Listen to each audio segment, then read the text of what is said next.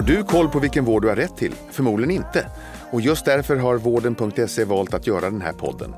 Jag heter Mikael Sandström och är husdoktor i eh, podden Vårddjungeln. Jag får sällskap av andra experter inom vårdrelaterade ämnen och även gäster som berättar om sina sjukdomserfarenheter. Har du som lyssnar en fråga du vill ta upp i podden så mejla fragoratvarden.se. Med detta sagt önskar jag dig varmt välkommen till Vårddjungeln. Nu kör vi!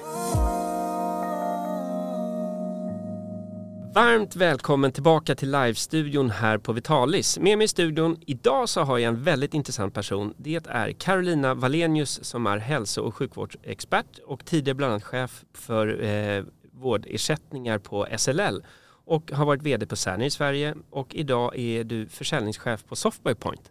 Så är det. Jag... Fick jag rätt på det där? Ja, det ja. gjorde du bra. Tack, så mycket. Tack Ja. för presentationen. Ja. Vad roligt att vara här, träffa Ja. dig, träffa gänget. Ja, jättevälkommen till studion. Eh, och eh, du, Vitalis, vad, hur har det varit Jag so far? Ja, men jag tycker att det har varit ett fantastiskt Vitalis. Jag tycker faktiskt att det här är det bästa Vitalis jag har varit på. Det är ju ett par stycken. Vad roligt! Ja, ehm, senast jag var här, måste jag väl erkänna, så var det bara 50 personer här. Oj! För det var 2020. Ja, Och vi har haft lite pandemi och lite restriktioner emellan. ja. Eh, och få komma hit och se hur Vitalis har utvecklats. Hur alla utställare men också besökare har kommit vidare i sina processer under den här tiden där vi egentligen har varit lite isolerade på ett sätt.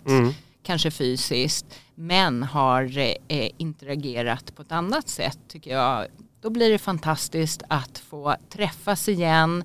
Och en, om vi får kalla det trend då på Vitalis som jag känner, det är att man är mer öppen till diskussion och dialog än vad man var före pandemin. Så att eh, det, det finns lite gott i allt och jag är jätteglad att få vara här och uppleva den här stämningen och eh, den professionella känslan som Vitalis ger. Vad kul. Och det är många andra, som vi har haft tidigare poddinspelningar här under Vitalis. Och det är många som säger det att det känns som att nu går vi äntligen från ord till handling. Att det är mycket saker som håller på att hända. Det har pratats mycket tidigare men nu känns det som det är mer action. Ja, jag hoppas det. Eh, jag kan inte riktigt eh, kanske skriva under på det än. Nej. Men vad jag ser är att eh, när vi har tidigare pratat om innovation eller kanske uppfinning och kallat det innovation så har det åtminstone gått från uppfinning till innovation och nu hoppas jag att regioner, kommuner och verksamheter också tar steget till implementation. Och nog ser vi att det är på väg åt det hållet, Ja. det tycker jag. Ja.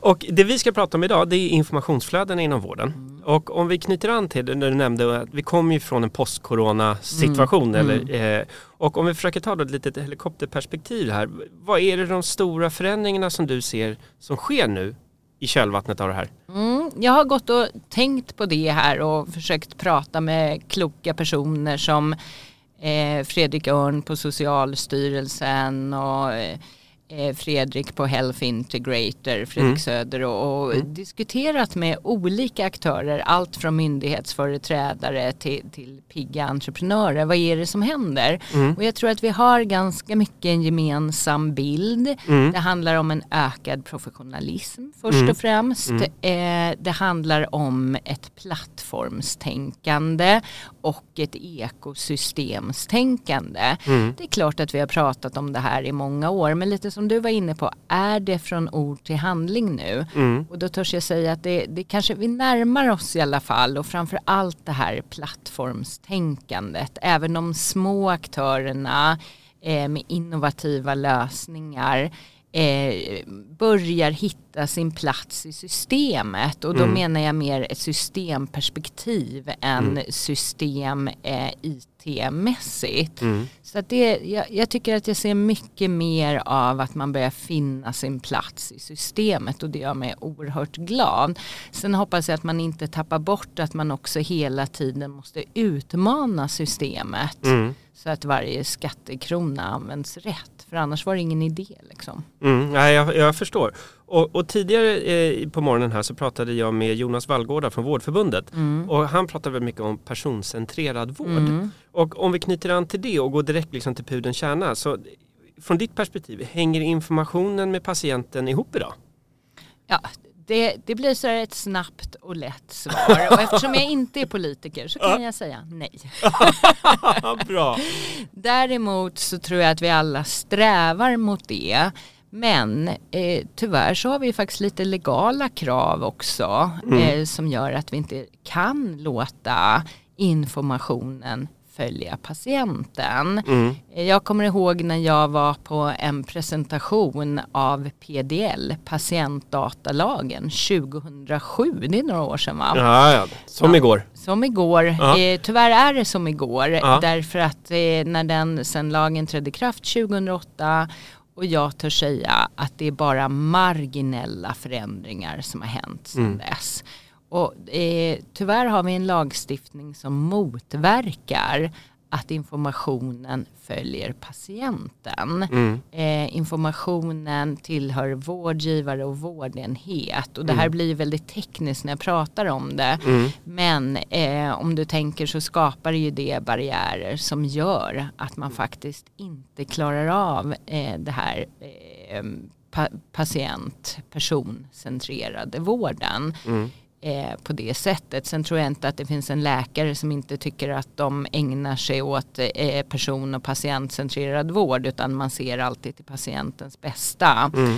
Men däremot så finns det hack eh, informationen och det är bara att tänka sig när det är olika vårdgivare eh, offentlig, privat eh, där patientdatalagen sätter stopp för det här. Så det Mm. är verkligen en uppmaning till politiken, till lagstiftaren, till den som skapar förutsättningar för Mm. eh, patient personcentrerad vård. Eh, det behövs ett omtag på Mm. patientdatalagen och det tror jag att vi eh, är eniga om de allra flesta i branschen oavsett om man kommer från leverantörssidan eller från verksamhetssidan. Och, och finns det några andra faktorer eller anledningar till att det blir br- avbrott i kedjan? När man tänker, annat än de legala som du är inne Mm. på. Jag tänker på, du nämnde tidigare att det finns så mycket innovation som kommer Mm. upp nu. Då hade man ju velat att det var pl- plug and play i alla system. Ja, det Så hade att- ju varit fint. Nej men på något ja, sätt att ja, ta nytta av den innovationen som finns istället för att begränsa den. mm, mm, Jag kan uppleva, när många som intervjuar, att det finns en form av protektionism ibland också. Mm, nu gör vi vårt här i vår region och sen så gör man något annat där. Mm. Va- va- finns det några andra käppar i hjulet som du, från ditt perspektiv? Ja, det, det gör det ju såklart och precis som du är inne på. Men, men basen är ändå det regulatoriska som har Mm. börjat med att sätta hinder och som har, har gjort också att det skapas den här protektionismen. Förutom att det finns väl sådana som tycker bäst om sin egen resultaträkning. Ja, såklart. Så ja. ja. Det, det är väl också en faktor. Men jag tror att vad du är ute efter också det är att de här plattformarna som integrerar ehm, de finns ju inte på nationell nivå. Det är Mm. bara att läsa Dagens Medicin idag så finns det en bra artikel, ehm, debattartikel om det Mm. där man pratar om att vi behöver ett ekosystem som utgår ifrån standards. Mm. Eh, ser datan likadan ut så att den kan kommunicera? Mm. Det är inte bara en, en eh, så att säga, teknisk fråga Mm. utan det är också eh, vad vi eh, som tycker om sånt här brukar kalla semantisk interoperabilitet, ett Mm. jobbigt ord. ja det, det var tur att du sa det, inte jag Ja, behövde. tänk om man hade kunnat det när man lekte så här hänga gubbe Ja. i mellanstadiet.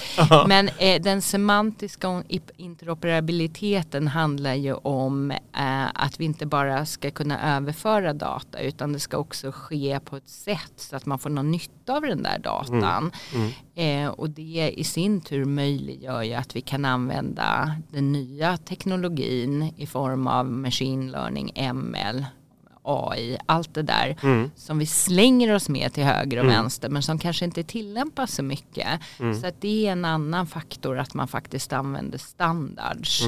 Mm. Så att du har det legala, att det faktiskt inte finns någon plattform där du kan dela det. Men också att i sådana fall om det fanns den formen av ekosystem så var man tvungen att ha standard. Så att eh, eh, ja, vi pratar samma språk helt enkelt. Men om, om vi leker med tanken att vi löser alla de här hindren Mm. så att informationen kan flöda kontrollerat Mm. mellan olika. Mm. Om vi, vad får vi för, värde, för bild då? Ja, Liksom, vad ska vad upp- vi med det till nej, då? men vad, upp, nej, men vad, upp, vad kan vi uppnå då? Ja.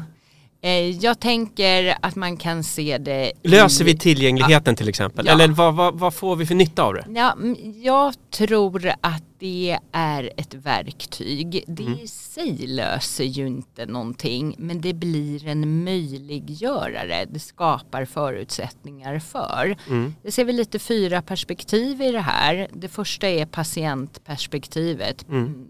Patient experience brukar vi prata om. Mm. Blir det bättre för patienten? Mm. Och det är klart att eh, jag brukar tänka på när Sara Riggare som är spetspatient inom Parkinson Mm. eh, säger att eh, hon har koll på sitt mående Mm. varje dag, varje timme Mm. eh, hela året. Medan när hon gör sina årliga besök i vården så är det frågan om ett par timmar Mm. som vården kan följa. Om man då kombinerar data med hennes mätningar Mm. eh, med vårdens data, då händer det ju någonting, Just eller. Hur? Ja, ja Och då blir det ju också eh, en eh, som patient, som invånare, en, en aktiv aktör. Och Mm. det tycker jag är viktigt. Så patient experience är ett perspektiv. Mm. Och sen brukar man prata om clinician experience, alltså läkare, vårdpersonal. Mm. Eh, inte bara blir det ju en bättre vardag för dem därför att man kan följa patientens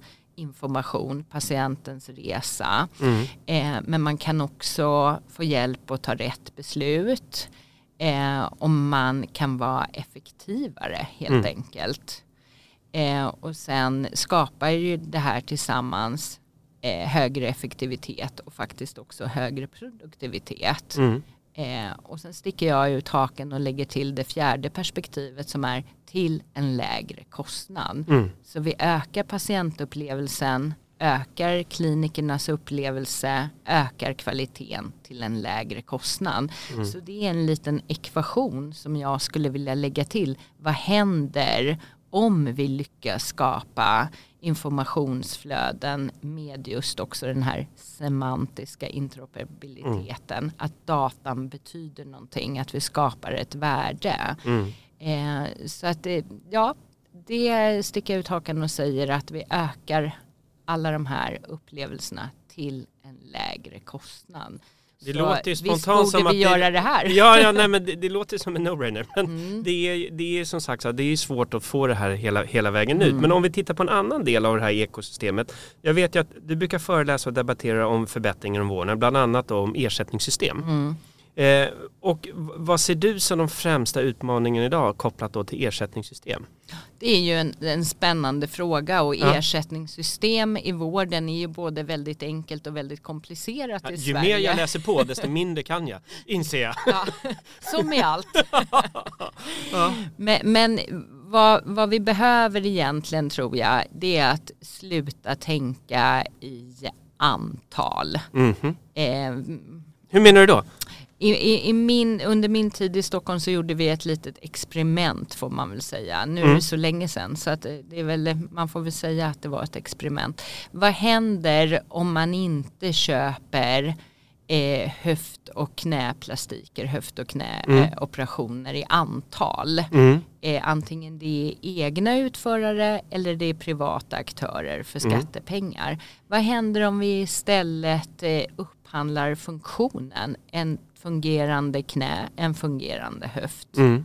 Ändrar vi någonting då? Mm. Ja det gör vi. Mm. Eh, det kom ett begrepp som hette värdebaserad vård. Mm. Det blev utskällt och det är nästan idag i Sverige som att säga ett fult ord. Är det så? Ja, det har det blivit. Ja. Men det är, är ju så att om man köper en fungerande höft eller ett fungerande knä, vad köper du då? Köper du antal? Nej, du köper värde. Mm. Och då blir det ett helhetssyn förhoppningsvis. Det vill säga man ser till patienten. Det kanske inte alls är så att man egentligen behöver gå rakt på och byta Mm. en höft utan eh, man ser till helheten. Man Mm. kanske eh, ska eh, Ja, det kan ju vara fråga om viktnedgång och motion och massa andra faktorer som man måste jobba med också. Mm. Så att om ersättningssystemen mer speglar vad man vill åstadkomma, man vågar upphandla värde och kvalitet Mm.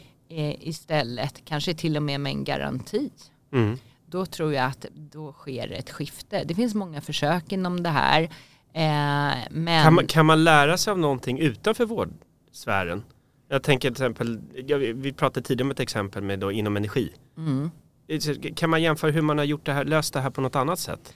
ja, Eller väl- hämta inspiration? Ja, det finns väl ganska många områden som man är, är duktig på att fundera på vad är det vi vill uppnå eh, i värde Mm. istället för att köpa antal och pinnar som man brukar säga Mm, i mm, vården. Mm. Eh, ja, jag, jag har inget konkret exempel som jag tycker är lysande. Det, det, det, det är så många exempel som eh, finns och jag tycker vården kan eh, istället eh, fundera på vad är bäst för just oss. Eh, så att jag tycker att exemplen finns egentligen inom vården och man kan ju titta lite runt om i världen men vi har ändå våra förutsättningar Mm. här så jag vill egentligen inte ge något exempel på det utan titta inåt och fundera på vad är värdet Mm. och hur uppfyller man de här eh, fyra perspektiven som Mm. jag tidigare nämnde så tror jag att vården landar bra i sig själv där. Mm. Och om vi lyfter blicken då lite mot regionerna eller staten. Mm. Vi- Vilken involvering tycker du att staten ska ha för att vården ska klara av det behovet som finns? Ja, Hur det- mycket ska styras liksom? Ja, hur mycket ska styras? Det här tycker jag är en av de riktigt heta frågorna i Sverige idag. Ja. Så det är kul att du tar upp den. För det här upplever jag som ganska cykliskt beroende Ja. lite vilket regionstyre vi har. Det är bara att se region, min hemmaregion Stockholm. Vad som händer nu, är ny styre, Mm. ja men då blir det lite nya förutsättningar. Ja. Så att det har ju en väldig inverkan utan att vi tänker på det. Och, Och för är- vårdgivarna också, deras Ja, förutsättningar. I allra högsta grad och Stockholm är väl ett typiskt exempel där det har hänt ganska mycket på kort tid när Mm. man har, bytt regim och, och sen kan kan kanske mer politiska eh, bedömare ha synpunkter på det. Jag har ju lämnat politiken så jag Mm. håller mig lite från Ja, att ja. utvärdera det idag. Eh, men däremot så kan man ju också fundera på att vi har ett styre på nationell nivå, ett annat i Stockholm. Jag menar, det ser ju ut så. Skapar det jämlik vård i landet? Jag menar, det finns ju mycket här vi kan fundera på. Hur skapar man jämlika eh, förutsättningar i landet? Det tycker Mm. jag är en väldigt komplicerad fråga. Löser vi det genom att göra staten till huvudman för hälso och sjukvården? Ehm, jag säger väl lite nej på den frågan Mm. men däremot så kan man jobba med förutsättningarna återigen. För jag trycker ju lite på det här eh, att politikens roll är att skapa förutsättningar för att det ska Mm. bli så bra som möjligt. Och det här med informationsutbyte och standards, där tycker jag staten har en roll. Mm. Eh, jag tycker att man kan skapa, inte en koloss eh, för hela landet som, som är någon slags jätteinfrastruktur, utan en ram och standards. Mer ramverk. Mer ramverk och där alla sen kan interagera. Mm. Eh, så att många delar skapar systemet och ekosystemet och jag tror att det är väldigt viktigt.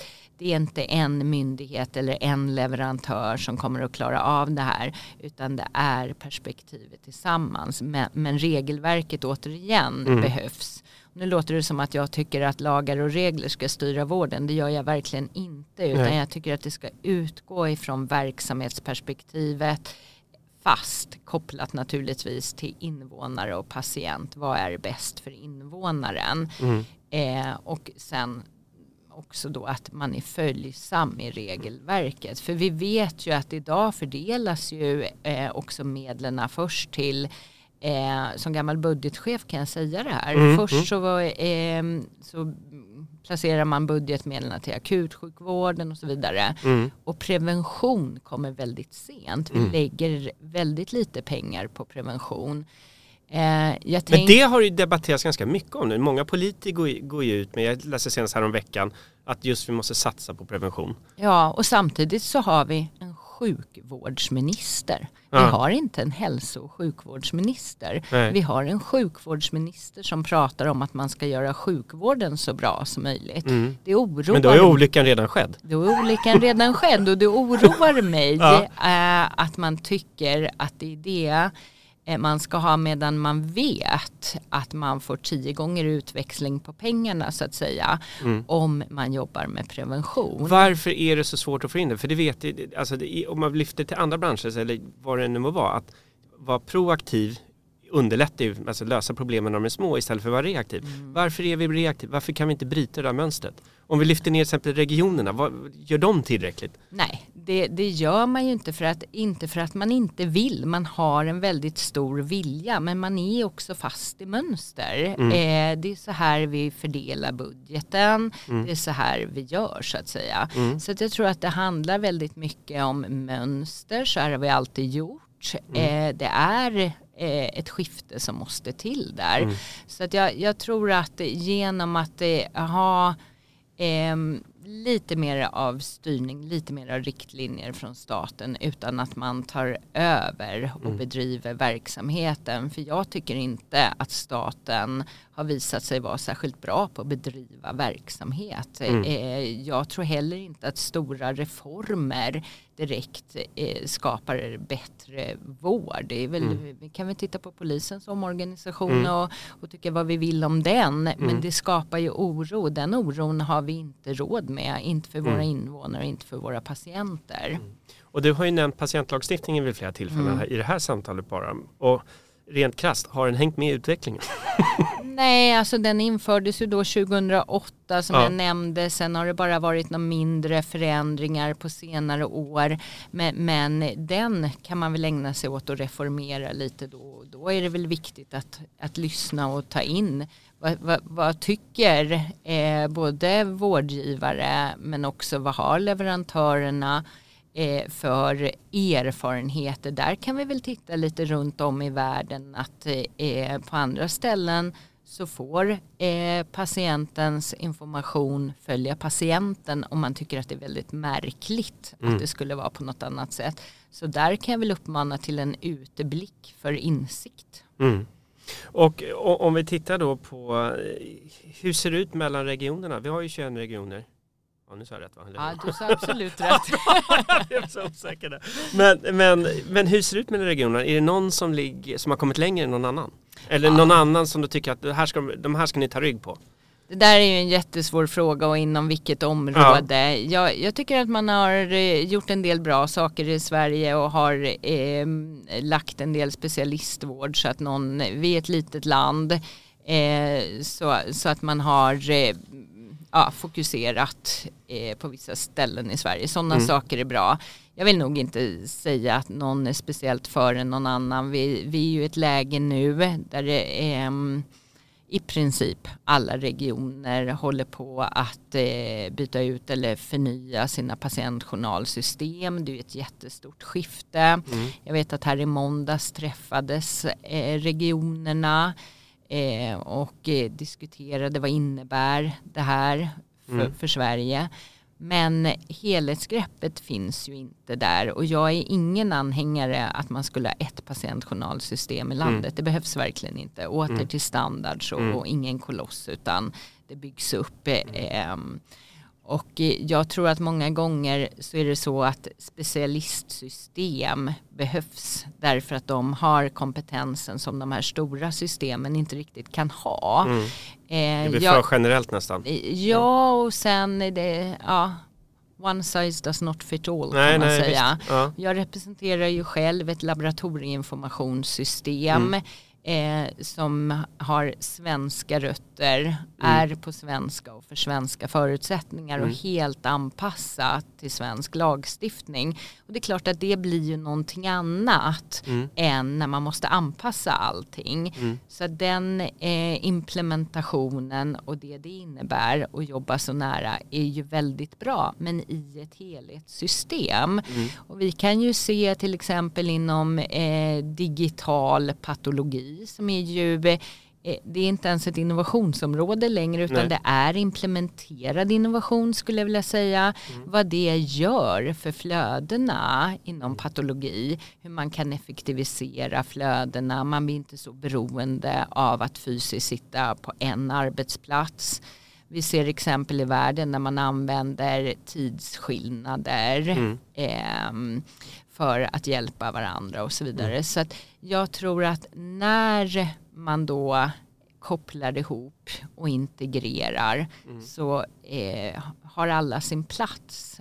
Eh, och det finns områden där vi i Sverige har nytta av att eh, ha sy- specialistsystem anpassade för precis och vara bäst på det man jobbar med i helheten. Eh, Kan du berätta lite om vad eh, Softwarepoint, vad eran plats i ekosystemet är och liksom, vad Ja. driver ni för frågor nu för att liksom göra så bra nytta i eran del av eh, eran plats i ekosystemet? Eh, laboratorieinformationssystem har ju naturligtvis en väldigt viktig plats i Mm. ekosystemet. Det är bara att gå till sig själv och tänka lite vad händer? Mm. Ja, ja. Eh, och därför är det väldigt viktigt att man har system som är anpassade för de förutsättningar man har i landet där man jobbar. Mm. Det är akkrediteringar och eh, tillämpningar Mm. av det regulatoriska men också arbetssättet vi Mm. har här. Så våran plats skulle jag säga är att vara bäst på det vi gör, nämligen Mm. laboratorieinformationssystem i helheten. Väldigt duktiga på integrationer till vilka system det än må vara. Vad de nu heter, Cambio, Mm. Ja, ja, ja, visst. Ja, ja. Eh, och vi integrerar redan idag faktiskt med de system som finns i Sverige vilket Mm. gör resan mycket, mycket lättare. Mm. Och ändå så finns vi för de villkor som vi har här, de arbetsprocesser som vi har här i landet. Mm. Eh, Så det är vår plats samtidigt som vi är det stadiga bolaget som levererar eh, det man förväntar sig inom traditionell laboratoriemedicin så jobbar vi hela tiden spjutspets med Mm. till exempel digital patologi och det Mm. som what's next liksom Mm. inom vårt område. Mm. Så jag tycker vi är duktiga på att parera att arbeta med allt man förväntar sig från ett stabilt svenskt laboratorieinformationssystem i kombination med att eh, vara Eh, tidiga och ta tag i det man behöver inom till exempel då digital patologi, eh, AI, eh, ML, därför är machine learning, därför att den informationen man har är ju grunden Mm. till att kunna ens tillämpa AI. Mm. AI är väl, eh, jag vet inte hur många gånger jag, Ja, vi har pratat, hört det har varit lite buzzword här också. Ja, hela tiden. Så Ja. att det pratas ju otroligt mycket om Ja. det här. Men man måste ju då grunda sig i datan. Mm. Man kan inte slänga in lite algoritmer eh, om man inte har klarat av som sagt standards och eh, ha sin data på ett sätt som, som går att använda. Så det är väl ett litet medskick Mm. till alla bassiga buzzword här. Ja, ja, ja. Vi får grunda oss lite också. Och jag tycker det blev ett väldigt bra slutord på det här samtalet. Att, och ett medskick till alla som, som lyssnar på den här podden. Mm. Eh, är det någonting som du tycker jag borde ha frågat som jag inte har frågat? Nej, jag tycker du har gjort ett gott jobb på, på jobbet idag, verkligen. Det har gått ut, eh, utmärkt, men, men jag vill väl ändå avsluta med att säga att eh, det är ett fantastiskt Vitalis, eh, mer professionellt än någonsin och eh, alla medverkande på Vitalis har gjort ett otroligt jobb också för att uttrycka det man själv är bäst på. Så all cred till detta. Jättetack Helena att du kunde vara med. Och hoppas få en fortsatt avslutning, eh, trevlig avslutning här på Vitalis. Ja, detsamma. Tack för att jag fick komma.